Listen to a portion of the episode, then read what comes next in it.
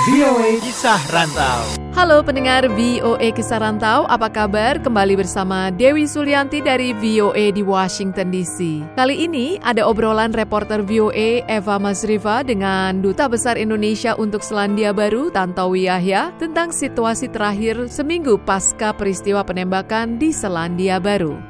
Terima kasih Pak Tantowi sudah bersama dengan VOA. Gambaran di kota Christchurch sekarang ini bagaimana? Kan sebentar lagi uh, sholat Jumat dan sekaligus memperingati satu minggu penembakan massal di dua masjid. Ya keadaan normal di sini. Ya aktivitas berjalan seperti biasa. Hanya saja nanti pukul 1.30 itu azan akan dikumandangkan secara nasional oleh TVNZ dan Radio New Zealand. Kemudian di Christchurch pada pukul 1.32 uh, setelah azan itu akan diadakan two minutes of silence di masjid dan dan juga di taman di depan uh, masjid tersebut. Di Taman Hagley di depan Al Nur ya Pak ya? Ya, dan pada pukul 1.32 tersebut secara serentak di seluruh Selandia Baru seluruh kegiatan itu berhenti. Hmm. Jadi uh, two minutes of silence itu bukan hanya di lokasi tapi juga di, dihimbau di seluruh penjuru Selandia Baru. Dan diperkirakan ada 3 hingga 4 ribu orang yang akan datang untuk ikut sholat Jumat dan uh, mengheningkan cipta ya, nanti. Betul. Bapak sekarang ada di Christchurch? Saya ada di Christchurch. Pengamanan bagaimana Pak? Semakin meningkat karena Perdana Menteri Jacinda Ardern akan datang ya? Di sini ini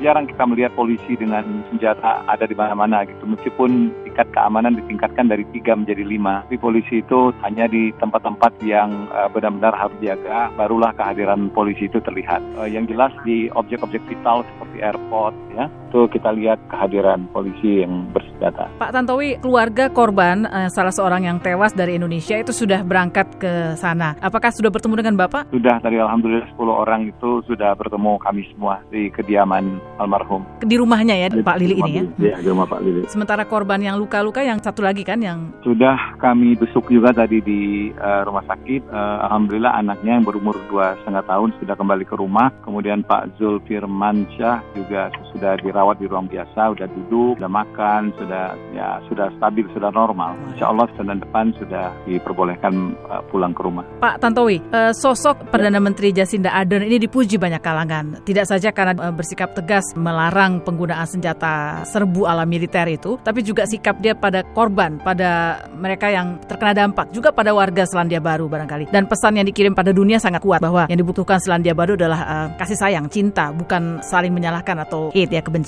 Bapak sendiri kan ya. pernah bertemu langsung dengan beliau ketika menyerahkan uh, surat-surat kepercayaan. Dalam pandangan Pak Tantowi sendiri, bagaimana sosok Jacinda Ardern sebenarnya? Tidak banyak yang menyangka bahwa Jacinda itu menjelma menjadi seorang pemimpin yang sangat mengayomi, sangat berempati dan juga sangat tegas pada saat negerinya sedang diuji dengan hal yang sangat berat seperti ini tanpa ragu dia mengatakan bahwa ini adalah aksi teroris. Kemudian tidak hanya berhenti sampai di sana, dia berkunjung ke warga yang menjadi korban di Christchurch, dia peluk ke warga-warga korban sambil dia katakan bahwa eh, dia akan eh, memberikan jaminan dan keadaan akan kembali normal dalam waktu cepat. Dia segera menggerakkan uh, rekan-rekannya di pemerintahan maupun oposisi untuk segera melakukan langkah-langkah yang diperlukan.